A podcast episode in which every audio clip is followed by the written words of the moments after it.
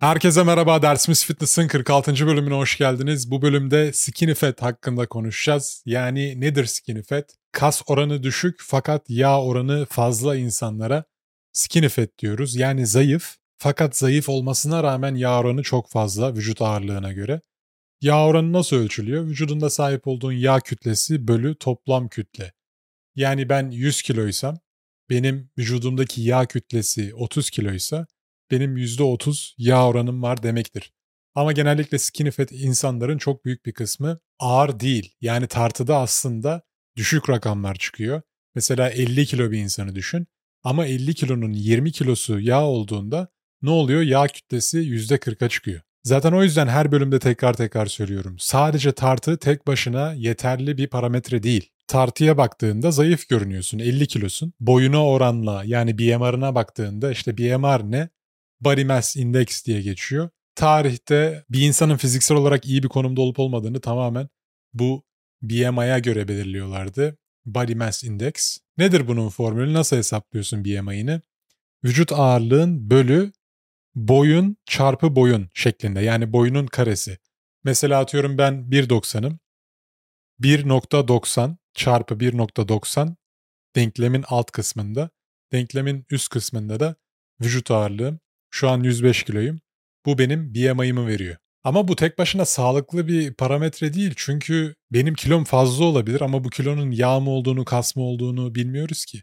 Mesela ben zamanında 115 kiloya kadar çıktım. E 1.90'ım 115 kiloyum. Baktığın zaman BMI'm 32 çıkıyor. 32 obez kategorisine giriyor. Yani ben klinik olarak obezdim o zamanlarda BMI'ye göre. Ama yağ oranıma baktığında yağ oranım %15'ti. BMI bizim sağlığımız hakkında, fiziksel görünümümüz hakkında fikir veren parametrelerden sadece bir tanesi. Önceden buna çok fazla bel bağlanıyordu. İnsanlar da o yüzden hep boyuyla kilosunu orantılı tutmaya çalışıyorlardı birbiriyle. Sürekli tartıya odaklı yaşıyorlardı. Ona göre egzersiz yapıyorlardı, yiyorlardı, içiyorlardı. Hala da öyle gerçi. Ama asıl dikkat edilmesi gereken konu burada vücut yağ oranı. Yani tamam sen tartıda belli bir rakam çıkıyorsun ama o ağırlığın ne kadarı yağ, ne kadarı kas, ne kadarı kemik vesaire.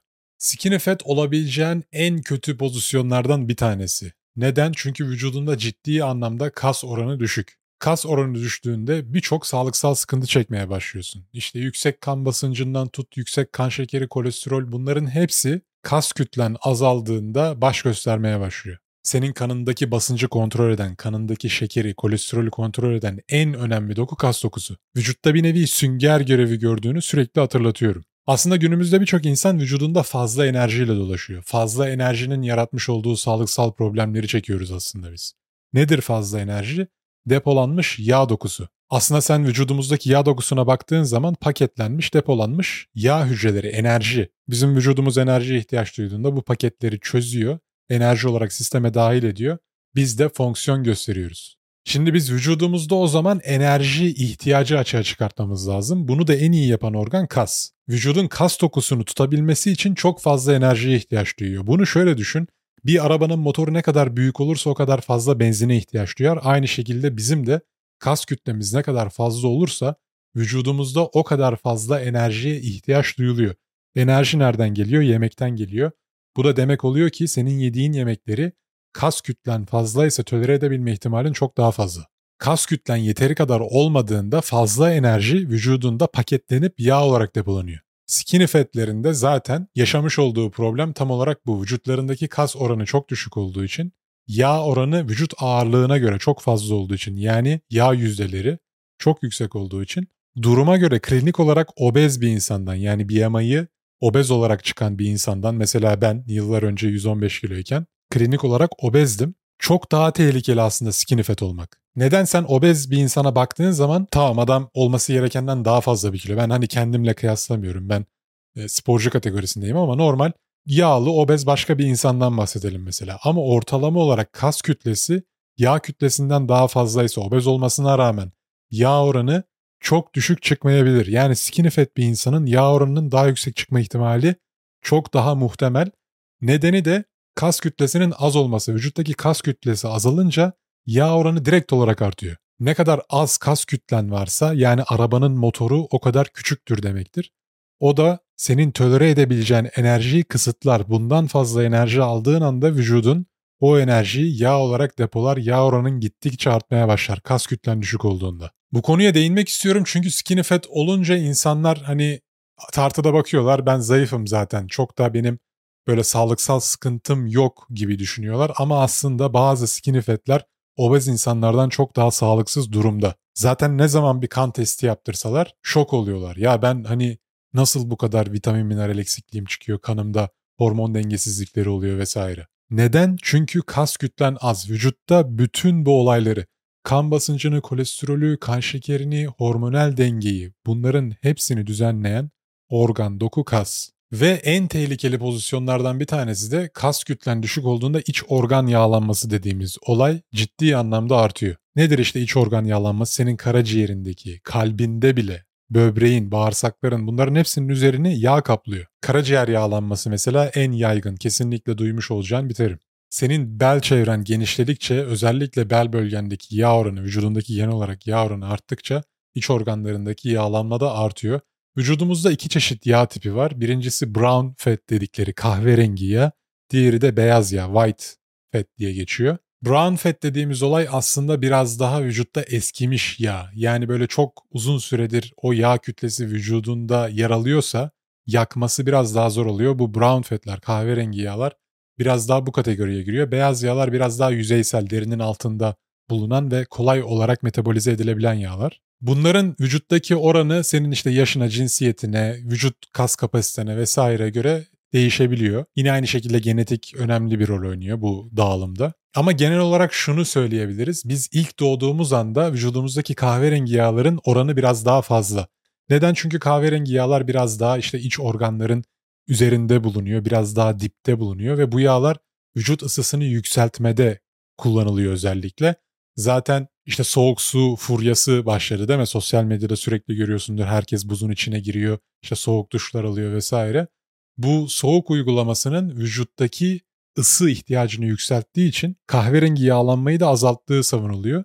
İşte biz çocukken kahverengi yağlar çok daha fazla vücudumuzda çünkü biz hani titreyerek vücut ısımızı yükseltebileceğimiz bir pozisyonda değiliz küçükken. Büyüdükçe kahverengi yağ azalıyor, beyaz yağlanma artıyor vücudumuzda.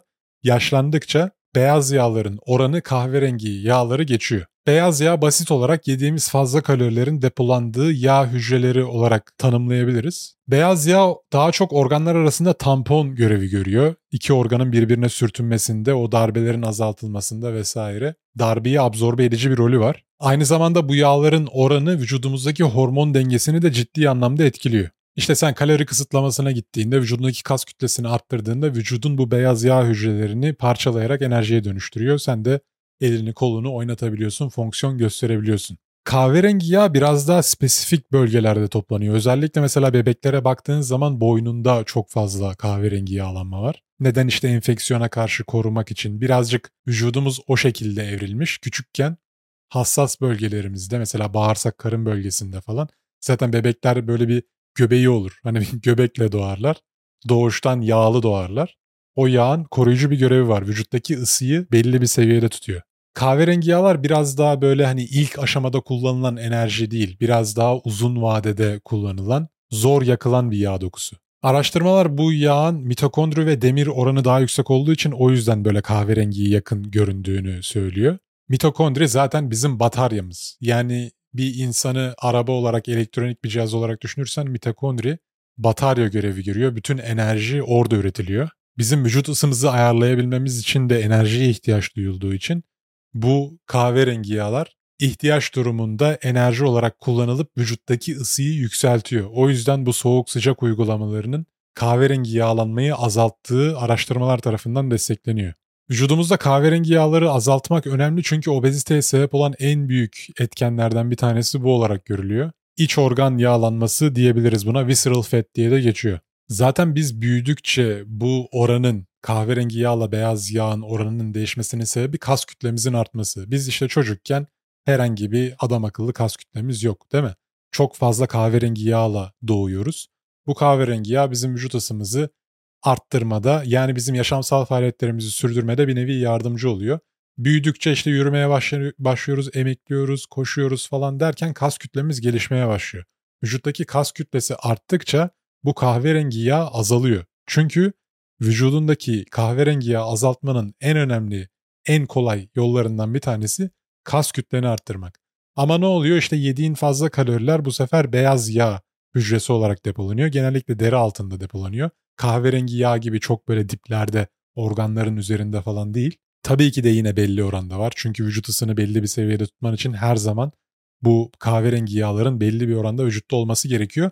Ama kas kütlemiz arttıkça beyaz yağlar artış gösteriyor, kahverengi yağlar düşüş gösteriyor. Ama şimdi obezitede bu durum kas kütlesi yüksek olmadığı zaman ya da işte skinny fatlerde kas kütlesi yüksek olmadığı zaman kahverengi yağ oranı çok yüksek kalıyor vücutta. Bu da bir sürü probleme sebep oluyor. İşte kan basıncı, kolesterol, kan şekeri, diyabetik hastalıklar vesaire. Vücutta işte inflamasyona sebep oluyor, iltihaplanmalar. Onlar bunlar psikolojik sıkıntıya kadar gidiyor bunların etkisi. E tabii bir de bunun getirmiş olduğu zincirleme etkiler var. Senin yağ oranının bu kadar yüksek olduğunda uykun bundan etkileniyor. İşte sleep apnea dedikleri şey var. Ondan sonra burnundan nefes alamıyorsun, nefes problemleri çekiyorsun. Oksijeni vücudunda yeterli miktarda kullanamadığın için bu da yağ oranını düşürmene engel oluyor. Çünkü işte fat oxidization dediğimiz bir olay var. Oksijen yakıcı bir madde. Biz her nefes aldığımızda yağ hücrelerine bağlanarak karbon olarak aslında yağ dışarı atıyoruz. Ve aslında biz nefes problemleri çekmeye başladığımız andan itibaren birçok şey zincirleme olarak kötüye gitmeye başlıyor. İşte sen zaten kas kütleni kaybettiğin için omuzların yavaşça öne doğru yuvarlanmaya başlıyor. Omuzların öne yuvarlandıkça ciğer kapasiten azalıyor. Her aldığın oksijeni biraz daha azalmak zorunda kalıyorsun. Bu da ömür kapasiteni direkt olarak azaltıyor. Belki çok basit bir şeymiş gibi görünüyor. Yani nefes alıyorsun, veriyorsun. Bu kadar büyütülür mü? Büyütülür. Evet abicim sen nefes almadığın zaman ölüyorsun. Vücudundaki bütün fonksiyonlar oksijen aracılığıyla aldığın nefesle gerçekleşiyor. Senin ağız yapın, çene yapın, ondan sonra diş sağlığın bunların hepsi aldığın nefes paterniyle alakalı. Burnumuzdan nefes alıp vermemiz gerekiyor ama vücudumuzdaki yağ oranı belli bir seviyenin üzerine çıktığında burnundan nefes almak zor oluyor. Zaten böyle biraz obez insanları merdiven çıkarken gördüğünde direkt olarak nefes nefese kalırlar ve burnundan nefes alamazlar. Ağzından alıp verirler sürekli.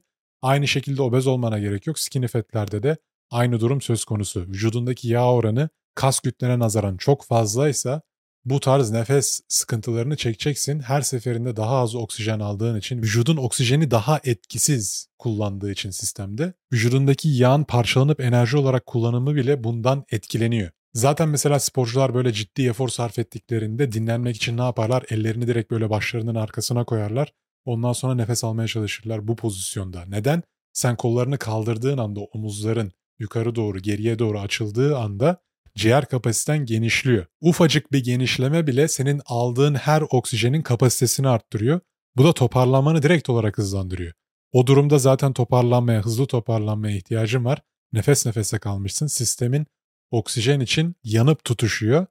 O yüzden bu ufak değişimler bile ciddi fark yaratıyor. İşte ben güreş yaptıktan sonra set aralarında köşeye gidiyorsun bir 15 saniyelik falan bir dinlenme süren oluyor. Aynı şekilde boksörlerde görmüşsündür ringin köşesine gidip bir 10-15 saniye dinleniyorlar. İşte su içme molası vesaire. O 15 saniyede kollarını yukarı kaldırıp bu şekilde dinlenmek oksijen kapasiteni o kadar fazla genişletiyor ki toparlanma hızını direkt olarak etkiliyor. Bunlar hep ufak ama önemli detaylar. Aynı şekilde senin postürün. İşte sen sürekli böyle kaykılarak oturuyorsan ne oluyor? Omuzların öne doğru kapanıyor. Ciğer kapasiteni daraltmış oluyorsun. Ve sürekli olarak böyle gezen insanlar var mesela. Sırt kaslarını yeteri kadar güçlendirmediği için postürü bozuk adamın kamburu çıkmış mesela. Aldığı her nefes normal bir insana göre, postürü daha sağlıklı olan bir insana göre daha az durumda. Aynı şekilde işte skinny fatlerin göbeği öne doğru biraz ağırlık yapıyor. Zaten kas kütlesi fazla olduğu için kamburu biraz daha öne doğru çıkmış durumda. Bunların hepsi sağlığını ciddi anlamda etkiliyor. Küçük detaylar büyük fark yaratıyor vücutta. Çünkü mesela bir type 2 diyabetik hastalığına baktığın zaman normal bir insandan, sağlıklı kan şekeri olan bir insandan sadece bir çorba kaşığı daha fazla kanında şeker var. Öyle aman aman işte kan şekeri tavan yapmış falan değil.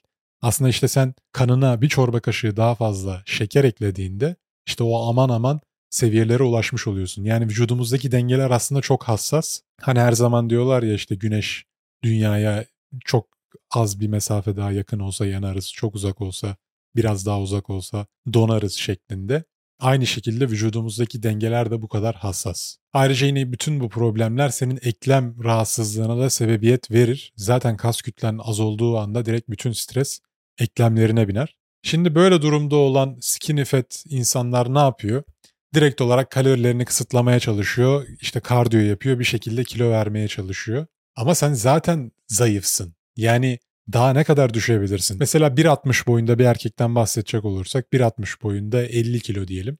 Adam zaten zayıf daha ne kadar düşebilir 50'nin altına. Ama göbeği var. Şimdi bu adam zannediyor ki ben kalorilerimi kesmem gerekiyor, kardiyo yapmam gerekiyor, ter atmam gerekiyor. Bu şekilde bu göbeği veririm. Halbuki tam tersi. Senin sorunun kilo vermek değil. Senin birazcık kilo alman gerekiyor. Özellikle de kas alman gerekiyor. Bu tarz insanlar tipik olarak işte genelde güne böyle kahveyle başlar. Bol bol işte sigara içer. Gün içinde çok az beslenirler, çok az yemek yerler. E bir de zaten alkol alkol içiyorsan, boş kaloriler alıyorsan sen alman gereken kalori kapasitesini tamamen boş, saçma sapan kalorilerle dolduruyorsun. Ve vücudun alması gereken proteini, yağ, karbonhidratı, mikro makro besinlerin hiçbirini almıyor. Vitamin, mineral bunlar nerede? Alkolden mi alacaksın bunları ya da kahveden, sigaradan mı alacaksın? Ya da yediğin bir öğünden mi alacaksın? Hayır. E zaten kas kütlen gittikçe yavaşlamaya başladığı için metabolizman da yavaşlıyor. Dolayısıyla yediğin her ekstra yemek direkt olarak göbeğini daha da büyütüyor. Bu yüzden bu insanlar böyle bir umutsuzluk işte bir bataklığa düşüyorlar. Biraz yese kilo alıyor, kilo vermeye çalışsa metabolizması daha da yavaşlıyor. Böyle gerçekten çok zor bir durum. Özellikle ne yapacağını bilmiyorsan psikolojin bozulabilir. Bu senaryoda yapacağın en son şey yediklerini daha da fazla kısıp aktivite seviyeni özellikle kardiyoları arttırmak. Yapmanı istediğim şey senden güç kapasiteni arttırmak. Tam tersi. Kalorilerini arttırmaya çalışıyorsun. Alman gereken karbonhidrat, yağ, özellikle protein. Buna birazdan geleceğim. Bunlara dikkat ederek antrenmanlarda bütün odan güç kapasiteni arttırmak. Koşup ter atmaya falan çalışma. Senin kardiyon yürüyüş bu kadar. E tabii ki de koşmayı seviyorsan koşabilirsin haftada bir gün iki gün ama bundan daha fazla yapman senin zaten hali hazırda enerji problemin olduğu için yani zaten çok az enerji soktuğun için vücuda. Benim bu enerjiyi kas yapmak için kullanmam gerekiyor ki bir an önce o durumdan kurtulalım değil mi? Senin vücudundaki kas kütlesi arttıkça o depodaki yağlar çok daha hızlı yakılmaya başlayacak. Ama sen aldığın bütün enerjiyi kardiyo yaparak anlık olarak yakarsan vücuduna bir yatırım yapmıyorsun. Kendi kendine yağ yakma mekanizmasını inşa etmiyorsun. O da uzun vadede bu durumdan kurtulmanı ciddi anlamda zorlaştırır. Bu tarz insanların yapması gereken ilk şey 10 ay boyunca kilo vermeyi unutacaksın. Biliyorum göbeğin var belki hani bu söylediğim sana biraz mantıksız gibi geliyor ama mantığını bir kenara bırak dediğimi dinle. Kilonu tartıda hiçbir şekilde düşürmüyorsun bu süreçte. Güç kapasiteni arttırmaya çalışıyorsun. Alman gereken besinleri aldın. Ağırlıklarını antrenmanlarda kademeli olarak arttırmaya çalıştın. Bu güçlenme periyodunu, kas kütleni arttırma periyodunu ne kadar uzun tutarsan metabolizmanı hızlandırdığın için, kas kapasiteni arttırdığın için yarın öbür gün kat yaptığında yani kalorilerini kısıtlamaya gittiğinde çok daha hızlı bir şekilde kilo verdiğini, yağlarından kurtulduğunu daha doğrusu göreceksin. Şimdi vücut kompozisyonunu değiştirmek her zaman kilo vermekle olmuyor. Mesela işte 1.60 boyunda bir adamdan bahsettik, 50 kilo olduğundan bahsettik. Sen 55 kiloya çıkıp 50 kilo halinden çok daha iyi görünebilirsin. Ne oluyor? Vücudundaki yağ kütlesinden azaltıyorsun ama kas kütlesi eklemeye başlıyorsun. Tartıda baktığında belki kilo alıyor gibi görünüyorsun ama aslında güzel kilo alıyorsun. Yani vücudundaki motor kapasitesini arttırıyorsun. Ne oluyor senin motor kapasiten arttıkça? Enerji ihtiyacın vücutta artıyor.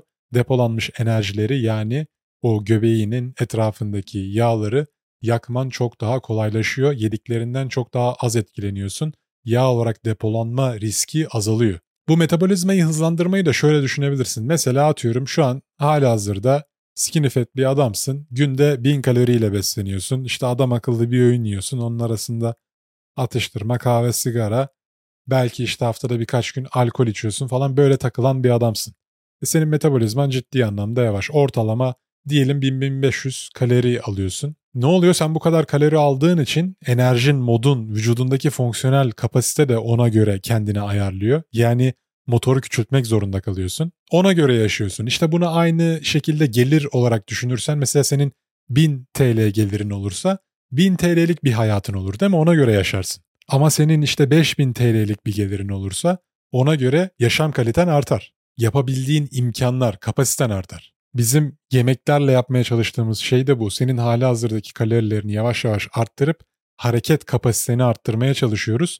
Daha fazla enerjin oldukça biz o enerjiyi de ağırlık antrenmanlarında güçlenmeye çalışıp kas kütleni arttırmaya çalışacağız. Bu şekilde seni o durumdan kurtarmaya çalışacağız. Başka türlü o durumdan kurtulamazsın, o bataklıkta debelenip durursun. Ticarette böyle cash flow diye bir şey vardır. Cash para akışı. Mesela küçük bir şirkete baktığında adamın 5000 dolar geliri var, 4000 dolar gideri var, 1000 dolar kar kalıyor. Ama öte yandan başka büyük bir şirkete baktığında mesela 500 bin dolar. Yine aynı katman oran orantıya baktığın zaman aynı işte. 5000 kazanıp 4000 harcıyor. Büyük şirket 500 bin kazanıp 400 bin harcıyor. Ama senin katmanların yani hacmin arttıkça ne oluyor o aradaki sana kalan para da artıyor. İşte 5'e 4 oranında sana 1000 kalıyorken 500'e 4000 de sana 100 bin kalıyor. Bizim kalorilerimizi arttırarak kas yapmaya çalışma çabalarımız da bir nevi buna benziyor diyebiliriz. BMI ile ilgili rakamları, hesaplamaları falan bölüm notlarına koyacağım. Oradan sen de kendi BMI'ni hesaplayabilirsin. Aynı zamanda işte Google'a girdiğinde zaten BMI ölçümü, Body Mass Index ölçümü yazdığında hesaplamaları bulabilirsin. Bu parametrelerden bir tanesi. Yani dikkate almamız gereken konulardan bir tanesi. Özellikle kas kütlen çok fazlaysa obez kategorisinde çıkma ihtimalin yüksek. Yağ oranın düşük olsa bile BMI'ye göre obez sayılıyorsun. İşte dediğim gibi ben bir aralar 115 kiloydum. İşte 1.90 boyunda. Yağ oranım da %15, %16'lardaydı maksimum. Ama yağ oranım düşük olmasına rağmen ben kendimi sağlıklı bir pozisyonda görmüyorum. Şu an geriye dönüp baktığım zaman günde 5-6 öğün yemek yiyorsun. Vaktinin çok büyük bir kısmı yemek yemekle, işte sıçmakla, antrenman yapmakla, uyumakla geçiyor. Bulaşık yıka, bunları hazırla falan filan derken bütün hayatım bunların etrafında dönüyor. Ve zaten yarışmaya hazırlandığım zamanlarda bodycilerin zaten çok büyük bir kısmı böyle bir yaşam stiline sahip. Adamlar yani bütün gün yiyor, yiyor, yiyor. Ve zaten yemeğini hazırlaması lazım. Kendileri pişiriyorlar, dışarıdan yemiyorlar. Dışarıdan yediğinde zaten o kadar fazla protein alma ihtimalin yok. Sonra o yediklerini çıkartman lazım. Tuvalette bir süre vakit geçiriyorsun. Antrenman yapıyorsun. Uykusuydu, bulaşıydı, oluydu, buydu derken bütün gün zaten bitiyor. O yüzden BMI de aslında dikkate alınması gereken rakamlardan bir tanesi. Sadece tek söz sahibi rakam değil. Yani işte mesela ben kendim için konuşacak olursam 1.90'ım. Benim 110'u geçmem mantıksız, sağlıksız. Hem eklemlerime ekstra stres oluşturuyorum hem iç organlarıma çok fazla yükleniyorum. Yani o aradaki rakamın maksimum 20 olması lazım. Zaten şu an 102-105 arasındayım. En sağlıklı hissettiğim kendimi bu. Bu da ne olmuş oluyor? Yani boyumun yaklaşık 10-15 fazlası olmuş oluyor. Sen de aynı şekilde 70 kiloysan mesela 80-85 maksimum. Bunun üzerine çıktığında kesin değil tabii ki ama sağlığının düşüşe geçme ihtimali var. BMI da dikkate alınması gereken parametrelerden bir tanesi. En önemlilerinden biri yağ oranı. Yağ oranı da son olarak neydi? Vücudumuzdaki yağ kütlesinin vücut ağırlığımıza oranı. Şimdi skinny fat olmak obez olmaktan bir tık daha kötü. Neden biliyor musun? Şimdi obez adamın sorunu ne? Yağ oranı çok fazla. Ama skinny fat adamın problemi hem yağ oranı çok fazla hem de kas kütlesi çok az. Hani obez adamın en azından kas kütlesi belli bir seviyede. Diyelim mesela skinny fat olup olmadığını bilmiyorsun. Nasıl anlayacaksın skinny fat misin değil misin? Eğer gün içindeki böyle enerjin ciddi anlamda düşükse, az önce bahsettiğim vücut tiplemesine sahipsen, işte kas kütlen çok az, sürekli olarak böyle gün içinde sigara, kahve, işte atıştırmalarla geçiştiriyorsun, doğru düzgün yemek yemiyorsun libidon düşük, cildinde, saçlarında, tırnaklarında böyle problemler var. Çünkü bunlar sağlığı yansıtan önemli parametreler. Genel olarak güçsüzsün. İşte böyle mesela marketten bir torba aldığında biraz taşıdığında direkt yorulmaya başlıyorsun falan. Bunlar hep skinny fat olmanın belirtileri. Hem kadınlarda hem erkeklerde çok yaygın bir durum. Bunu her seferinde yaşıyorum. İşte yeni bir üye geliyor şimdi konuşuyoruz. İlk kez uzun bir süre sonra antrenmanlara başlayacak ya da belki hayatında ilk kez antrenmanlara başlayacak tartıyoruz, yağ oranını ölçüyoruz, işte kan basıncını ölçüyoruz falan filan. Amaçları hakkında konuşuyoruz. İşte diyor ben kilo vermeye çalışıyorum. Ya zaten bir deri bir kemiksin. Senin kilo vermeye ihtiyacın yok. Mesela bunu anlatmaya çalışıyorum orada. E bazı insanlar kafasına o kadar koymuş ki yani benim kilo vermem lazım. Hani seni hiç duymuyor bile. E ben yıllardır boşuna işte insanlara yardımcı oluyorum. Bu işin içindeyim falan. E seni hiç dinlemiyor bile. Ya senin bu yaptığın hani doktora gidip işte ben şu ilacı istiyorum bana şu ilacı yaz demenle aynı şey. Ya bırak doktor işini yapsın. Zaten sen o kadar biliyor olsaydın o üniformayı sen giyiyor olurdun değil mi? Keşke böyle cildimiz şeffaf olsaydı. Yani böyle cildinin altından bütün o yağ oranını, kas oranını görebilseydin. O insanları şöyle bir işte gözlükle işte şeffaf gösteren o yağ dokusunu, kas dokusunu gösteren gözlüklerle o insanlara şöyle bir baktığımızda, taradığımızda vücut oranlarının çok büyük bir kısmının yağ olduğunu göreceksin. Zaten işte DEXA scan var. Ben burada iki yıl önce falan yaptırmıştım. MRI makinesi gibi yatıyorsun böyle üzerinden tarıyorlar seni işte. Taradıktan sonra detaylı rapor çıkarıyorlar. Kas kütlen işte mor görünüyor, yağ kütlen böyle turuncu sarı gibi görünüyor. Hatta bilgisayarda bulabilirsem ekran görüntülerini, videolarını falan paylaşırım size de. O tam olarak bunu yapıyor mesela. Seni böyle tarıyor. Vücudunun derinin altında ne kadar yağ kütlesi var, kas kütlesi var renk olarak görebiliyorsun oranlarını falan. Bu insanların gözüne öyle sokmak gerekiyor. Çünkü hani ne kadar az kas kütlesine sahip olduklarının farkında değiller. Kas kütlesi önemli çünkü ya senin kalbin bile kas. E, senin her kalp atışında kalbin kasılıyor o şekilde kan pompalıyor sistemine. Yani kas kütlenin fazla olması, güç kapasitenin fazla olması, özellikle tutuş gücün. Tutuş gücün senin ömrün hakkında bize en fazla bilgiyi veren, sağlığın hakkında en fazla bilgiyi veren parametre. Bu günümüzde araştırmalarla çok net kanıtlandı artık. Birebir her parametreyle kıyasla işte kan basıncı, kan şekeri, ondan sonra kolesterol, kanındaki yağ miktarı, trigliseritler bunların hepsini birebir kıyasladığında tutuş gücü senin sağlığın hakkında en fazla fikri veriyor bize. Tabii ki de bunların hepsini aynı anda yaptığında yani bir full check-up yaptığında tutuş gücünden çok daha fazlasını anlamış oluyorsun ama birebir kıyasladığında tutuş gücü tek başına çok önemli bir parametre. Çünkü neyi gösteriyor? Senin vücudunun ne kadar güç üretebildiğini gösteriyor. Sinir sisteminin ne kadar gelişmiş olduğunu, kas kapasitenin ne kadar gelişmiş olduğunu gösteriyor. E zaten bizim kalp atışlarımız bile kasın kasılmasıyla olduğu için senin vücudunun genel performansı, sağlık seviyesi hakkında ciddi fikir veriyor bize. Zaten 31. bölümde bundan detaylı bahsetmiştim. Tutuş gücünü nasıl geliştirmemiz gerektiğinden, detaylarından o bölümü izleyebiliriz. Şimdi özellikle biz yaşlandıkça tutuş gücümüz azalıyor, kas kapasitemiz azalıyor. E, zaten bunlar azalınca eklem stabiliten azalıyor, hareket kabiliyetin azalıyor, sakatlıklara karşı daha hassas hale geliyorsun. E zaten hareket edemeyince kan dolaşımın yavaşlıyor derken zincirleme olarak ölüme doğru yaklaşıyorsun aslında. Yani bizim ömrümüzü uzatan en önemli konulardan bir tanesi kas kütlesini ne kadar uzun süre koruyabildiğimiz. Bizim amacımız küçük yaştan itibaren işte emekledik, yürüdük. Ondan sonra okul, o bu falan derken belli bir hareket kapasitesi geliştirdik. Bunun üzerine koyarak kas kapasitemizi, güç kapasitemizi geliştirerek belli bir yaşa kadar gelmek, belli bir yaştan sonra da bu kas kütlesini mümkün olduğunca yaşlılığımıza kadar korumak. Bu süreci ne kadar başarılı bir şekilde geliştirebilirsen, yani kas kütleni yaşlılığına kadar ne kadar sağlam bir şekilde koruyabilirsen o kadar az sağlıksal problemler çekeceksin. Yaşlılığında o kadar rahat edeceksin. Senin zaten iskeletini ayakta tutan doku kas dokusu. Kas dokun azaldığı anda direkt böyle kamburlaşmaya, yuvarlanmaya, hareket edemez hale gelmeye başlıyorsun. Ve belli bir yaştan sonra kas inşa etmek kolay olmadığı için senin bu genç yaşlarda o altyapıyı oluşturman lazım. Bu yaşlarda mutlaka kas kapasitenizi geliştirmeniz gerekiyor. Gittikçe zorlaşıyor bunu yapmak. Sağlığınıza yapabileceğiniz en önemli yatırım bu. Bir de bu skinny fat'lerin egzersiz tercihini genellikle kardiyodan yapması. İşte koşu bantları olur, yüzme olur, koşu olur, ne bileyim. Genellikle kardiyovasküler herhangi bir egzersiz yapmayı tercih ediyorlar.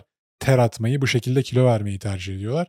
Bunun sebeplerinden bir tanesi, birincisi bilmiyorlar ağırlık antrenmanı gerçekten çok kompleks. Özellikle daha önce hiç yapmadıysan spor salonuna gittin. Önünde ne var? Bir dumbbell var, bir bar var ağırlıklar var. E ne yapacaksın bunlarla bilmiyorsun değil mi? Kullanmasını bilsen onlarla çok kral bir vücut inşa edebilirsin. Aynı şekilde işte ev yapmak için ne gerekiyor? Çekiç, tornavida, o bu. E, onları kullanmasını bilmiyorsan yapamazsın ama kullanmasını bilen adam devasa binalar, evler inşa edebiliyor. Aynı. Sen o dumbbell'la, barla, ağırlıklarla efsanevi bir vücut inşa edebilirsin. Sadece kendini biraz eğitmen, geliştirmen lazım. Zaten Dersimiz Fitness podcastlerini dinlediğinde, Instagram'daki videoları izlediğinde sürekli olarak her gün 3 tane post paylaşmaya çalışıyorum. Tek başımayım. Elimden geldiği kadar fazla içerik üretmeye çalışıyorum. Ücretsiz bir antrenman programı paylaştım. Bir tane daha paylaşacağım. Üzerine çalışıyorum. Hani sen de biraz efor göster. İşte egzersiz açıklama videoları koydum YouTube'a. Daha fazla koyacağım. Her egzersizin detaylı olarak açıklama videolarını koymaya çalışacağım. YouTube'dan izle, öğren, daha sonra pratik yapmaya çalış. Dediğim gibi sağlığına yapabileceğin en önemli yatırımlardan bir tanesi bu. Bu insanların kardiyoyu egzersiz türü olarak seçmesinin sebeplerinden bir tanesi herhangi bir yetenek gerektirmemesi. Bir ikincisi de enerjileri gün içinde çok düşük olduğu için işte kalori kısıtlamasına gidiyorlar. Kas kütleleri az genel olarak modları enerjileri düşük olduğu için direnç antrenmanı da ağır kilo kaldırmakta ciddi bir efor gerektirdiği için o yüzden işte kardiyoya koşu bandına yöneliyorlar ama senin vücudun aslında kaloriyi etkin bir şekilde yakmayı öğreniyor bu şekilde. Ne oluyor? Sen yeteri kadar kalori almıyorsun. Bir de onun üzerine sürekli olarak kardiyo yapıyorsun. Yani vücuduna sahip olduğun kas kütlesini de parçalaması için direktifte bulunuyorsun. Hani bırak kas kütlesi inşa etmeyi, sahip olduğun kas kütlesini de yakman için sinyal gönderiyorsun. Zaten bir diğer sebebi de az önce dediğim gibi yanlış bir algı var insanların kafasında. Ne kadar ter atarsam o kadar kilo veririm şeklinde. Dersimiz Fitness'ın 22. bölümünde bundan detaylı bir şekilde bahsetmiştim. Neden ter atarak kilo vermek saçma? Doğru yolun nasıl olması gerekiyor? Her bölümde çeşitli açılardan yaklaşarak size anlatmaya çalışıyorum. Ondan sonra da bu adamların morali bozuluyor. İşte diyor ki ben ne denediysem olmadı. Su içsem yarıyor. İşte benim genetiğimde var bir bozukluk. Bende bir problem var. Sonra bu sefer başlıyor kendinden nefret etmeye. Kendinden nefret ettiği için egzersiz yapanlar. Çok e-mail geliyor bu konu hakkında. Yani insanların özelini burada paylaşmak istemiyorum ama podcast'te başladığım günden itibaren o kadar fazla bu konuda e-mail aldım ki insanlar ben hani dinlemeden önce podcast'i dinlemeden önce kendimi dediğiniz gibi bahsettiğiniz gibi sürekli olarak işte sonuç alamadığım için daha fazla ter atıyordum. Kendimi daha fazla cezalandırıyordum. Daha az yemek yiyordum şeklinde. Bu ilişki bir süre sonra toksik bir ilişkiye dönüşüyor. Yani senin egzersizle, beslenmeyle olan ilişki çok sağlıksız bir hal almaya başlıyor. Kendinden nefret etmeye başlıyorsun. Zaten vücudunu beğenmediğin için insan içine çıkmak istemiyorsun vesaire. Bu durumlardan kurtulmak biraz zaman alacak ama özellikle kadınlar her kadının mutlaka 36. bölümü dinlemesi gerekiyor. Bu podcast'i yeni keşfettiysen çok hızlı bir şekilde büyümeye devam ediyoruz. Her gün onlarca yüzlerce insan podcast'i keşfediyor yeni yeni. Spotify'da, YouTube'da, Apple Podcast'ta, orada burada bu podcast karşına ilk defa çıktıysa ve bir kadınsan mutlaka erkeksen de izleyip öğreneceğin çok fazla bilgi var o bölümde. Mutlaka izle. Bu skinny fat'lerin bir diğer profili de işte ilk profili enerjisi düşük çok fazla gün içinde hareket etmek istemiyor işte. Bir de stresli skinny fat'ler var çok böyle yoğun iş temposuna sahip. Stresli bir hayatı var. Sürekli olarak işte sigara içen, kahve içen yine aynı tiplemelerde. Ve overtraining yani bu 44. bölümde bundan detaylı bir şekilde bahsettim. Gereğinden fazla antrenman yapıyor. Zaten bu insanlar genellikle hayatlarında çok başarılı insanlar oluyor. İşte iş adamları, onlar bunlar vesaire. Hayatlarında her şeyi çok çalışarak elde etmişler. Egzersizi de böyle zannediyorlar. İşte o yoğun tempoya, yoğun stresli hayatına bir de yoğun bir egzersiz ekliyor ama sen stres kovanı o kadar fazla arttırıyorsun ki o pozisyonda hiçbir şekilde vücudunun anabolik duruma geçme ihtimali yok. Yani kas kütlesi inşa etmek istiyorsan anabolik duruma geçmen lazım. Vücudun doku inşa ediyor. Yoktan var ediyorsun. Bunun olabilmesi için vücudunun güvenli hissetmesi lazım. Stresli durumda bunu yapamazsın. Stresli durumda vücudun daha fazla yağ depolar, hali hazırdaki kas kütlesini de enerji olarak kullanmaya çalışır. Bu senaryoda vücudun hiçbir şekilde iyileşmeye vakit bulamıyor. İşte super compensation'dan bahsetmiştik. Zarar veriyorsun. Kasın o zarardan toparlanma süresi var değil mi? Belli bir seviyeye kadar çıkıyor. Detayları 44. bölümde. Fazla detaya girmeyeceğim burada. Sonrasında tekrar bir sinyal daha yolluyorsun. O sinyallerin sıklığı, şiddeti önemli. Sen her gün her gün bu kasa böyle zarar verirsen sürekli olarak trendi aşağıya doğru götürürsün. Hiçbir gelişim sağlayamazsın. Bir de bu skinny fat insanlar işte kendilerini toplumda kıyasladıkları zaman zaten çok büyük bir kesim bu durumda olduğu için kendilerini böyle sağlıksız bir birey olarak görmüyorlar. Ama iddia ediyorum bu insanların çok büyük bir kısmı kan testi yaptırdıklarında çok ciddi mineral vitamin eksikliği, hormonal bozuklukları olduklarını görecekler. Kan testi yaptırmana da gerek yok. İşte senin sindirim sistemin, saç sağlığın, cilt sağlığın, tırnakların, libidon, uyku düzenin, gün içindeki enerji seviyen bunların hepsi aslında senin hormonlarının ne kadar iyi çalıştığını, sağlığının ne kadar iyi olduğu hakkında bize fikir veriyor. Temel olarak bu insanların bu durumdan kurtulması için uygulaması gereken 3 ana madde var. Birincisi güç kapasiteni arttırmak. Güç kapasiteni arttırmak istiyorsan kalori surplus'ta beslenmen gerekiyor. Nedir yani? Yaktığından daha fazla kalori almak zorundasın. Çünkü aldığın fazla enerji yani haneye giren fazla gelir harcamalar için kullanılacak. Senin harcamaların ne direnç antrenmanları. Vücuduna bir sinyal gönderiyorsun. Vücudunda bir hasar yaratıyorsun. O hasarın bir bedeli var. O bedeli de aldığın besinler karşılıyor. Özellikle de protein. Tipik olarak vücut kompozisyonunu değiştirmek yani yağ kütleni azaltıp güç kapasiteni, kas kapasiteni arttırmak 10 ay kalori surplus'ta ara ara böyle işte mini katlar yapabilirsin kendine atıyorum. İşte 2 ay, 1 ay bu tamamıyla senin ne kadar sert bir şekilde bulk yapman ya da kat yapman ya da ne kadar kilo vermek istediğine göre değişir. Yaklaşık minimum 10 aylık bulk dönemi takip etmen gerekiyor. İşte bu bulk döneminde de zaten 7. bölümde detaylarından bahsetmiştim. O bölümü izleyebilirsin. İhtiyacına göre her bir ayda iki ayda bir böyle iki haftalık mini katlar yaparak 10 ayı tamamlayabilirsin. Güç kapasiteni, kas kapasiteni arttırdın, metabolizman yavaş yavaş hızlandı. Daha sonrasında 5 aylık süreçte kata gittiğinde kas kütlen daha fazla olduğu için vücudun çok hızlı bir şekilde yağ kütlesini azaltmaya başlayacak. Yani ben buna 10 aylık yapım, 5 aylık cila aşaması diyorum. Genellikle bulk süresinin kat süresinden her zaman iki kat daha fazla olması gerekiyor. Bunu kendi durumuna göre ayarlayabilirsin. Yani iki ay bulk yapıp bir ay kat da yapabilirsin. Bu kadar kısa da olabilir. Ama ne kadar kısa olursa o kadar az verim alırsın. Bulk'u ne kadar uzun tutarsan aralarda sürekli bulk yapmıyorsun. Bak dediğim gibi aralarda mini katlar planlayabilirsin.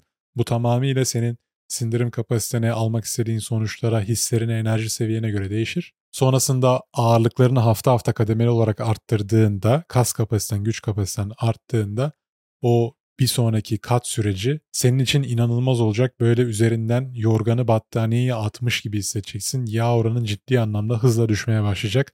Eğer kas kapasiteni bu 10 aylık süreçte arttırabilirsen. İnsanlar arasında bilinen en yanlış algılardan bir tanesi de ben eğer yağ yakmak istiyorsam farklı bir antrenman programı takip etmem gerekiyor. Hani biraz daha yağ yakmaya yönelik bir program. Ha, böyle bir program varmış. Ben 14-15 yıldır hiç karşılaşamadım daha. Böyle bir şey yok. Biz yağı tamamıyla beslenme tarafında hallediyoruz. Yani ben ağırlık antrenmanlarımı her zaman kas kapasitemi, güç kapasitemi arttırmak için yapıyorum. Tabii spesifik olarak performansını arttırmak için ya da farklı yönlerde hareket kabiliyetini, patlayıcı gücünü, dayanıklılığını arttırmak için vesaire artık fitness amacın neyse ona göre şekillendirebilirsin antrenman programını. Ama biz antrenman programını işte yağ yakmak için, kilo vermek için, onun için bu için falan o kısmı beslenme hallediyor. Çünkü sen nasıl yakıt koyarsan sisteme, sistemin ona göre tepki gösteriyor. Sen her zaman kas kütleni arttırmak için, güç kapasiteni geliştirmek için antrenman yapıyorsun. Fazla kalori aldığında bu kas kapasitesi artıyor. Biraz daha az kalori aldığında eğer kas kütlen yeteri kadar yüksekse yağ yakmaya başlıyorsun. Şimdi insanların yağ yakma antrenmanı diye adlandırdıkları şeyler neler? Genellikle kardiyovasküler antrenmanlar. Atlıyorsun, zıplıyorsun, çok yüksek tekrar yapıyorsun, ter atmaya çalışıyorsun. Ama sen bu yarışa girdiğin zaman aynı kardiyodaki mantık işte. Yani sen egzersizi kalori yakmak için yaptığın zaman o yarışı kazanabilme ihtimalin yok senin. Sen yakıyorsun antrenmanda taş çatlasa 500 kalori ve gidiyorsun antrenmandan sonra alıyorsun 1000 kalori. Yani sen kalori yakmak için antrenman yaptığında her zaman zararlı çıkarsın. Antrenmanlarda amacın kas kapasiteni arttırmak. Çünkü kalori yakmak için antrenman yaptığında sadece o antrenmandaki bir saatte kalori yakabilirsin. Ondan sonra aldığın bütün kaloriler zaten onun iki kat, üç kat fazlası. Hiçbir şekilde mantıklı olmuyor. Ama sen antrenmanda kas kapasiteni geliştirmek için antrenman yaptığında, hani yağ yakmak, kalori yakmak için değil, ne oluyor inşa ettiğin kas 7-24. Senin için sürekli olarak kalori yakıyor. Yani sen bir saat kalori yakmakla 24 saat kalori yakmayı birbirinden karıştırma. Yağ yakmak için, ter atmak için antrenman yapmayın. Çözüm kas kütlesini arttırmakta. Keşke insanlar hani ne kadar sağlıklı olduklarını böyle tartılardan oradan buradan takip etmekten ziyade güç kapasitelerine göre takip etseler. Çünkü güç artışı bizim sağlığımız hakkında, iyiye ya da kötüye gittiğimiz hakkında bize çok daha fazla fikir veriyor aslında. Senin de bu süreçte şüphelerin olursa işte skinny fats'in dediklerimi uygulayarak antrenmanlara başladın. İyiye mi gidiyorum, kötüye mi gidiyorum, doğru mu yapıyorum, yanlış mı yapıyorum diye düşünüyorsan her zaman dikkat etmen gereken şey hafta hafta, iki haftada bir, üç ayda bir, ay ay bazı hareketlerde çünkü sürekli olarak ağırlığı arttırman mümkün olmayabilir. Ama kademeli olarak belli bir trend şeklinde güç kapasitenin artması gerekiyor. Eğer artıyorsa doğru yoldasın. Güç kapasiten arttığında kas kapasitenin de artma ihtimali çok yüksek. Ama sen sürekli olarak aynı ağırlıkları kaldırıyorsan, antrenmandaki enerjin düşükse, işte bir şekilde güçlenemiyorsan demek ki enerji sisteminde sıkıntılar var. Yeterli kaloriyi almıyorsun ya da antrenmanda progressive overload tekniklerine, işte kademeli zorlaştırma tekniklerine detaylı bir şekilde uymuyorsun. Overtraining olabilir, yüksek stres olabilir hayatında. Bunları tabii incelemek lazım. Birçok sebebi olabilir. Ama bahsettiğim konulara dikkat ederek antrenman yaptığında kas kapasiteni, güç kapasiteni, kademeli zorlaştırma teknikleri derken bu arada neyi kastediyoruz? İşte antrenmanın temposu, hareket açısında değişiklik, farklı bir açıyla yapıyorsun, farklı bir makineyi kullanarak yapıyorsun. Dinlenme sürelerin, işte serbest ağırlıkla yapabilirsin, ondan sonra cable'la yapabilirsin, direnç bandı ekleyebilirsin, farklı sinyaller gönderdiğin kasa her şey kademeli zorlaştırma tekniklerine giriyor. Bunların en babası ağırlığı arttırmak. Ama ağırlığı her zaman arttırmak zorunda değilsin. Aynı ağırlıkla tempolarla oynayabilirsin. Bunlardan çeşitli şekilde farklı bölümlerde bahsettim. Ve odaklanman gereken hareketler genellikle hareket açılarından bahsediyorum. Spesifik olarak bir hareketten bahsetmiyorum. Squat mesela, çömelmek. Ama işte barla çömelmek zorunda değilsin işte. Lunge yapabilirsin, tek bacak split pozisyonunda çalışabilirsin. Goblet squat yapabilirsin, dumbbell'la. İşte leg press, hiçbir şekilde squat yapmayı bilmiyorsan leg press yapabilirsin makineyi. Hiçbir sıkıntı yok. Ama amacın her zaman makinelerden bir şekilde kurtulup serbest ağırlığa geçmek olsun. Serbest ağırlık senin vücudunu boşlukta kendi eklem ve kas yapına göre nasıl hareket etmen gerektiğini öğretiyor aslında sana. Yani hareketi kendi vücut yapına uygun hale getirmeye çalışıyorsun serbest ağırlıkla. Neden? Çünkü hepimizin yapısı birbirinden farklı. Benim bacaklarım daha uzun, senin bacakların kısa ama ikimiz de leg, aynı leg press makinesinde aynı şekilde antrenman yapıyoruz. Ben serbest ağırlıkla yaptığımda vücudumun pozisyonunu öyle bir ayarlayabiliyorum ki güçlü noktalarımdan daha fazla yararlanıyorum. Zayıf noktalarıma daha fazla odaklanıp onları güçlendirme şansım oluyor. Tabii eğer eklemlerinin pozisyonunu nasıl konumlandırman gerektiğini biliyorsan, hareket açılarını nasıl yapman gerektiğini biliyorsan vesaire bu ciddi anlamda biyomekanik ve anatomi bilgisi gerektiriyor, tecrübe gerektiriyor. Senden bu bilgiye sahip olmanı beklemiyorum ama en azından pratik yapmaya başla. Bu videoları vesaire hepsini izle. YouTube istediğin her hareketin antrenman açıklamasını, teknik detaylarını falan bulabilirsin. Yapman gereken şey pratik yapmak. Pratik yaptıkça oturacaktır. O hareketten alacağın verim makineden alacağından çok daha fazla olacaktır zaman içinde. Bunların hepsini bir yetenek olarak düşün. Sen nasıl boks antrenmanına gittiğinde, yüzmeye gittiğinde, basketbola gittiğinde sürekli olarak aynı hareket paternlerini tekrar tekrar sana yaptırıyorlarsa aynı şekilde squat, bench press, row, overhead press, deadlift bu hareket paternlerini herhangi bir ekipman kullanarak farklı açılarda tek taraflı, çift taraflı bir şekilde pratik yapıp vücudunu öğretmeye çalış. Bunların hepsi senin vücuduna yapabileceğin en önemli yatırımlardan bir tanesi. Zaman içinde tekniği öğrendikçe ağırlıklarını arttırabileceksin. Ağırlıklarını arttırdıkça kas kapasiten artacak, fiziğin değişmeye başlayacak. Ne kadar antrenman yapman gerekiyor? Bu tamamıyla senin antrenman geçmişine, genetiğine, yaşına vesaire göre değişir. Ama ben minimum 1 ile başlamanı tavsiye ederim. Yani en azından haftada bir gün direnç antrenmanı full body yapıyoruz. 2-3 yaparsan çok daha iyi olur. Ve tekrar aralığın ne kadar olması gerekiyor hareketlerde? Minimum 3 tekrar yapmaya çalış. Öyle PR'lara falan girme. Tek tekrar, 2 tekrar biraz tehlikeli hale gelmeye başlıyor. Minimum 3 tekrar en fazla 12 tekrara kadar çıkabilirsin. 12 tekrarın üzerine çıktığında artık bir nevi dayanıklılık antrenmanlarına dönmeye başlıyor. Çünkü tekrar arttıkça kaldırdığın ağırlık azalmak durumunda kalıyor. Senin amacın da güç kapasiteni arttırmak olduğu için o yüzden tekrarları biraz düşük tutup kaldırdığın ağırlıkları arttırmaya zorlamak çok daha mantıklı olacaktır. Haftada 2-3 gün çok az değil mi diye düşünüyor olabilirsin. İlk etaplarda fazla bile. Sen kaslarına zarar verdiğin ölçüde gelişmiyorsun. Zaten diğer bölümleri izlediğinde umarım bunu artık anlayacaksınız. 44. bölüm özellikle tamamen bu konu üzerine. Biz ağırlık kaldırdığımızda, direnç antrenmanı yaptığımızda kaslarımıza zarar veriyoruz. O hasardan toparlanabildiğin ölçüde kasların adapte olup gelişiyor. Sadece antrenman da değil, burada ne kadar protein soktuğun sisteme. Çünkü protein kasın onarımında yer alan en önemli makronutrient. Yeterli protein almıyorsan aldığın hasardan toparlanma ihtimalin yok. Aynı şekilde uyku, yeterli uyumadığında, stres seviyelerini kontrol etmediğinde vücudun bir şekilde hasardan toparlanamadığında gelişim gösterebilme ihtimalin yok. Güç kapasiten, kas kapasiten artmayacak. Birçok insanın sıkıntısı çok az protein tüketiyorlar. Bunu artık tekrar tekrar görmekten o kadar alıştım ki artık şaşırmıyorum. İnsanların çok büyük bir kısmı 30-40 gram protein tüketiyor. Ya 30-40 gramla nasıl hayatta kalabiliyorsun? Vücudun hali hazırdaki kas kütlesini bile koruyamaz 30-40 gram proteinle. Sürekli olarak kas kaybediyorsun demektir yani bu. Senin minimum, minimum hedeflediğin kilonun bir buçuk katı kadar protein yemen gerekiyor. Yani ben 100 kiloysam minimum 150 gram benim protein almam gerekiyor. Her gün. Biraz daha fazla kas inşa edeyim diyorsan hedeflediğin kilonun iki katı. Mesela ben 100 kiloyum ama çok fazla yağ kütlem var. Hedeflediğim kilo işte 85. O zaman 85'in iki katı. Hedeflediğin kilonun lean muscle mass'in ihtiyacı kadar protein tüketiyorsun. Ve bu protein miktarına ulaşmayı da evde yemek yaparak yapmak zorundasın. Artık eşin mi yapıyor, sen mi yapıyorsun, annen mi yapıyor, kim yapıyorsa bir şekilde o yemeğin evde hazırlanması gerekiyor. Çünkü sen dışarıdan işte bir döner aldığında ya da protein içeren herhangi bir besin aldığın zaman onun içinde en fazla 100 gram et var. 100 gram ette 25 gram protein var. Ve öğle yemeğini, akşam yemeğini dışarıdan yediğinde 50 gram protein almış oluyorsun. Çok az, yeterli değil. Hani tamam 50 gram proteinle yaşar mısın? Yaşarsın. Kas kütleni belki korur musun? Hani sahip olduğun vücut ağırlığına göre koruyabilirsin. Ama bu skinny fat probleminden kurtulmak istiyorsan hedeflediğin kilonun iki katı kadar protein tüketmek her gün şart. Aynı şekilde direnç antrenmanlarıyla kaslarına zarar veriyorsun. Hasardan toparlanabilmen için kasın yapı onarım birimi amino asiti yani proteini vücuduna sokman şart.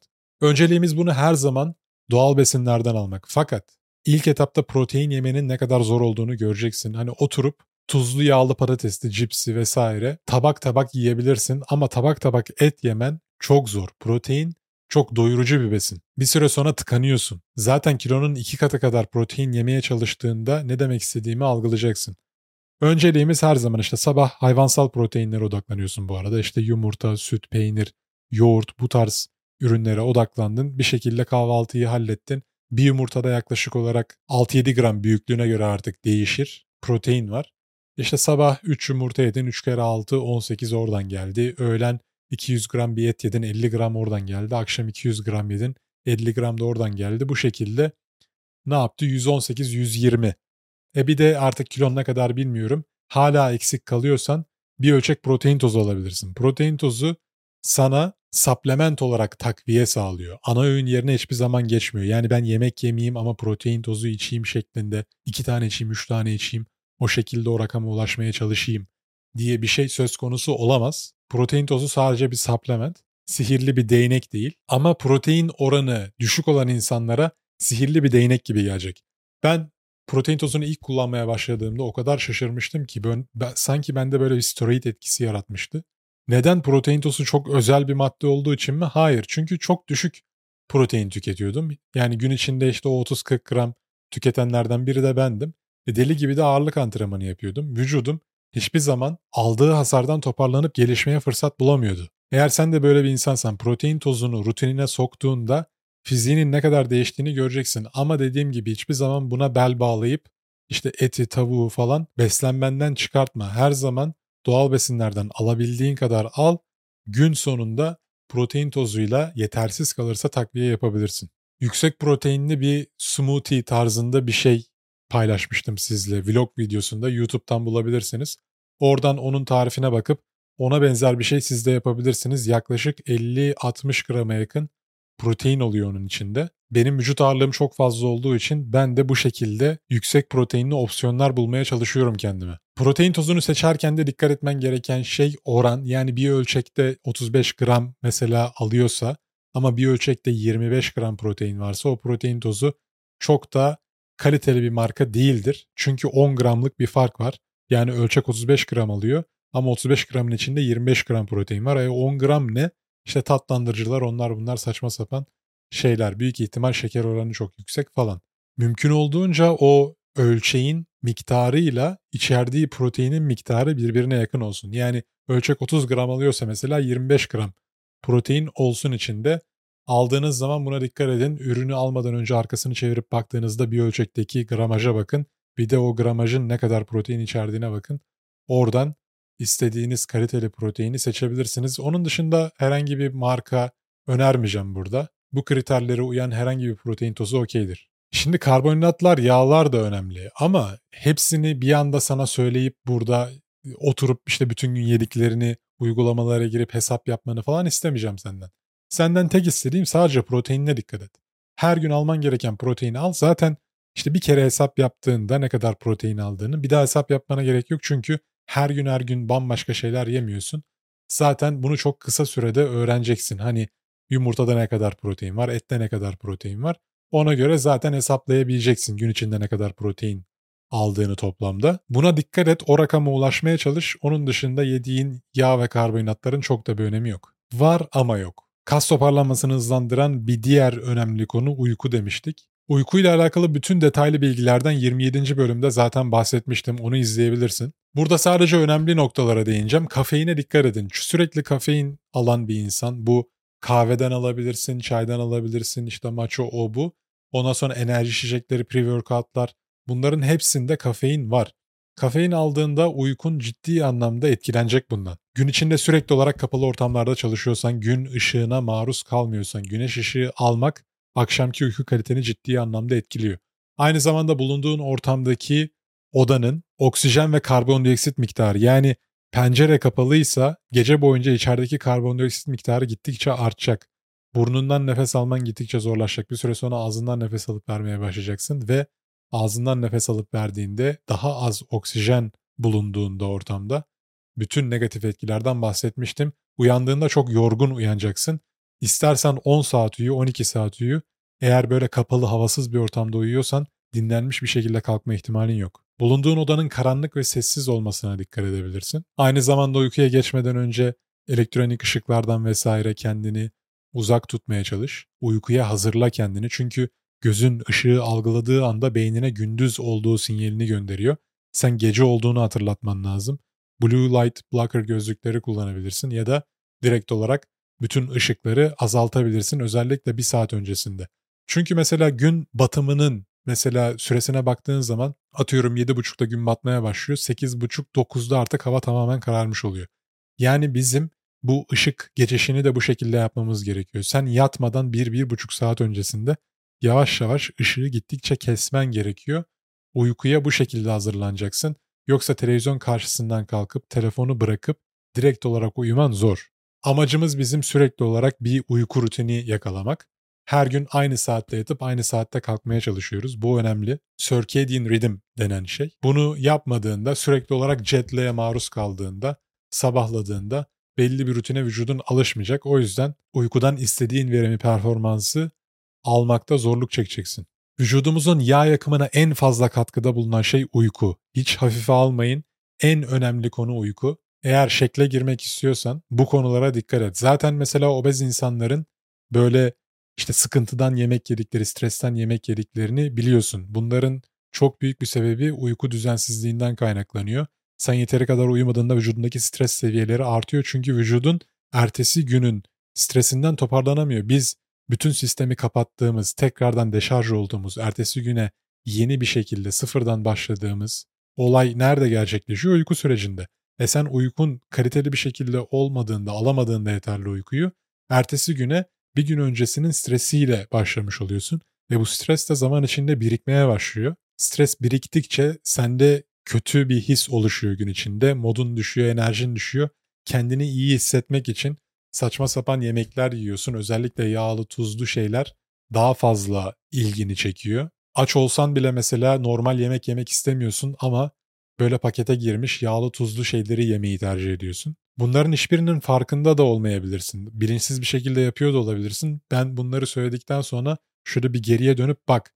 Uyku kaliten az olduğunda işte sabahladığında bir şekilde o rutinin bozulduğunda ertesi günkü beslenme alışkanlıklarına bak. Ben bunu kendimde her zaman gözlemliyorum. Ne zaman uykumda herhangi bir sıkıntı olsa ertesi günkü beslenme alışkanlıklarım ciddi anlamda değişiyor. Bunlar da uzun vadede senin fiziğini, gelmek istediğin noktayı direkt olarak etkiliyor. Vücudunun yeterli uykuyu almamış olması ciddi bir stres alarm durumu. Bu alarm durumunda vücudunun yağ yakma ihtimali yok. Alarm durumlarında vücudumuz her zaman yağ, yağı sigorta olarak görür. Yani daha fazla yağ depolar. Hatta kas kütlesini bile enerji olarak yıkıp kullanmaya başlar. Çünkü kas çok fazla enerjiye ihtiyaç duyuyor. Alarm durumunda senin ekonomik kriz gibi düşün. Bir şekilde kemer sıkma politikasına gitmen lazım. Çok fazla enerjiye ihtiyaç duyacak şeylerden kurtulmaya çalışıyor vücudun. O yüzden uykusuzluğun yarattığı stres kas kaybına ve yağ depolanmasının artmasına sebep olur. Zaten mesela skinny fat'ten bahsettik, yeterli makro mikro besinleri vücuduna almadığından bahsettik. Bu metabolik stres oluşturur vücutta. Sen yeterli işte yağ, karbonhidrat, mikro makro, vitamin, mineral bunları vücuduna sokmadığında alman gerekenleri, ihtiyacını karşılamadığında metabolik stres oluşturur, sindirimine etkiler bu olay. Bunların hepsi stresin farklı bir kalemi, farklı bir alanı. İşte egzersizin yaratmış olduğu stres senin toplumsal ilişkilerinden, işinden, beslenmenden, uykundan, oradan buradan her yerden stresleri topluyorsun topluyorsun ve bir yerde bunun patlak vermesi gerekiyor. Vücudun bir direnç uyguluyor. Yağ yakmaya karşı direniyor. Hatta az önce bahsettiğim gibi kas kütlesinden bile kurtulmaya çalışabilir. Bir diğer konu uykusuz kaldığın anda vücudun seni ayakta tutmak için, enerjik tutmak için, işini gücünü halledebilmen için kortizolü yükseltir. Kortizol böyle hani çok kötü bir hormon değil. Tabii ki ihtiyacımız olan, olan bir hormon ama hormonun dengeleri çok önemli. Sen sağlıklı bir şekilde kortizol seviyelerini ayarlayamadığında zaten bunu sen nasıl kontrol ediyorsun? İşte uykuna, egzersiz seviyelerine, stres seviyelerine falan dikkat ederek kontrol etme şansın var. Uykunu kaçırdığında otomatik olarak ertesi gün kortizolün yüksek olacak. Böyle daha stresli, daha uyanık, böyle nereden geldiğini bilmediğin bir enerjiye sahip olacaksın. Aslında doğru düzgün uyumadın ama saçma sapan bir şekilde gün içinde enerjin çok yüksek. Bu kortizolün vücudunda çok yüksek salgılandığını gösterir. Kortizol yüksek salgılandığında testosteron ve growth hormonu yani kas yapımı için en önemli olan iki hormon düşüşe geçer. Bu da yine senin işine yaramayan bir durum. Stres seviyelerini azaltmak için yapman gereken şeyler. Sen çok yoğun bir gün geçiriyorsan hiçbir şekilde gidip onun üzerine daha fazla antrenman yapıp kaslarına zarar vermeye, ekstra stres oluşturmaya çalışma. Ne yap mesela git yürüyüş yap, sauna yap, işte steam room'a girebilirsin, buhar odası, soğuk sıcak uygulaması yapabilirsin, masaja gidebilirsin, esneme gerdirme hareketleri, yoga, pilates bu tarz hafif yenileyici hareketler yapabilirsin. Nefes antrenmanları bu çok önemli. Meditasyon vesaire bu olaylara ilgiliysen bunlara bakabilirsin. Bunların hepsi senin stres seviyelerini azaltacaktır. Bir diğer konuda kafein miktarını yavaş yavaş azaltman gerekiyor. Kafein en fazla bağımlılık yapan maddelerden bir tanesi. İşte bunu kahveden alıyor olabilirsin, çaydan, enerji içeceğinden, pre-workout'tan neyden alıyorsan al. Bunu ciddi anlamda azaltman gerekiyor. Bunu da bir aylık sürece yayabilirsin. Birden kesme. 3-4 bardak kahve içen bir adamsan ilk başta hafta hafta yavaş yavaş azalt bir ayın sonunda bunu artık sürdürülebilir hayatın boyunca olmasını istediğin seviyelere getirmeye çalış. Ben kişisel olarak kahveyi sadece ihtiyacım olduğunda böyle işte çalışmam gerektiğinde bir şey odaklamam gerektiğinde içiyorum. O da ne kadar sıklıklı oluyor dersen hani iki haftada bir belki kahve içiyorum. Hani sana bunu uygula diyemem. Bu tamamen kişisel tercihin. Nasıl uygulamak istiyorsan öyle yap ama kafeini çok fazla alıştırma vücudunu. Neden şimdi sen ertesi gün işte uykusuzsun, enerjin düşük, fake bir enerji, bir stimüle arıyorsun. İşte antrenmana gideceksin aynı şekilde. Enerjin yok, pre-workout alıyorsun. Sana fake bir enerji geliyor. Şimdi bu enerji senin kas yıkımında kullanılıyor aslında. Senin vücudun boşu boşuna işte düşük modda değil, boşu boşuna enerjisi yok değil, değil mi? Neden? Çünkü işte uyumamışsındır, yeterli beslenmemişsindir, streslisindir vesaire. Senin vücudun sana bir feedback veriyor. Ama sen bu işte geri bildirimi önemsemeden işte kafeinle, müzikle, pre-workout'la, enerjiyle bunu bastırmaya çalışırsan, performans göstermeye çalışırsan bu durumda ne oluyor? Vücudun stres seviyeleri artıyor. Kas yıkımı direkt olarak hızlanıyor. Uyku süresince yaklaşık 7 ila 9 saat arasında uyumaya çalış ve burnundan nefes alıp vermeye çalış. Bu konu hakkında 14. bölümde detaylı bir şekilde açıklama yapmıştım. Bu çok önemli arkadaşlar. Uyku kaliteniz yani gece ile gündüz kadar değişecek. Yatmadan önce yakın saatlerde yemek yemeyin. Vücudunuz sindirimle meşgulken uykuya geçemez. Aklıma gelen bütün detaylar bunlar. Umarım bu videoda faydalı olmuştur. Skinny fat'ler tecrübelerinizi yorumlarda belirtebilirsiniz. Eklemek istedikleriniz varsa sorularınız vesaire aynı şekilde yorumlarda sorabilirsiniz arkadaşlar. Hepinize sağlıklı, huzurlu haftalar diliyorum. Bir sonraki bölümde görüşmek üzere.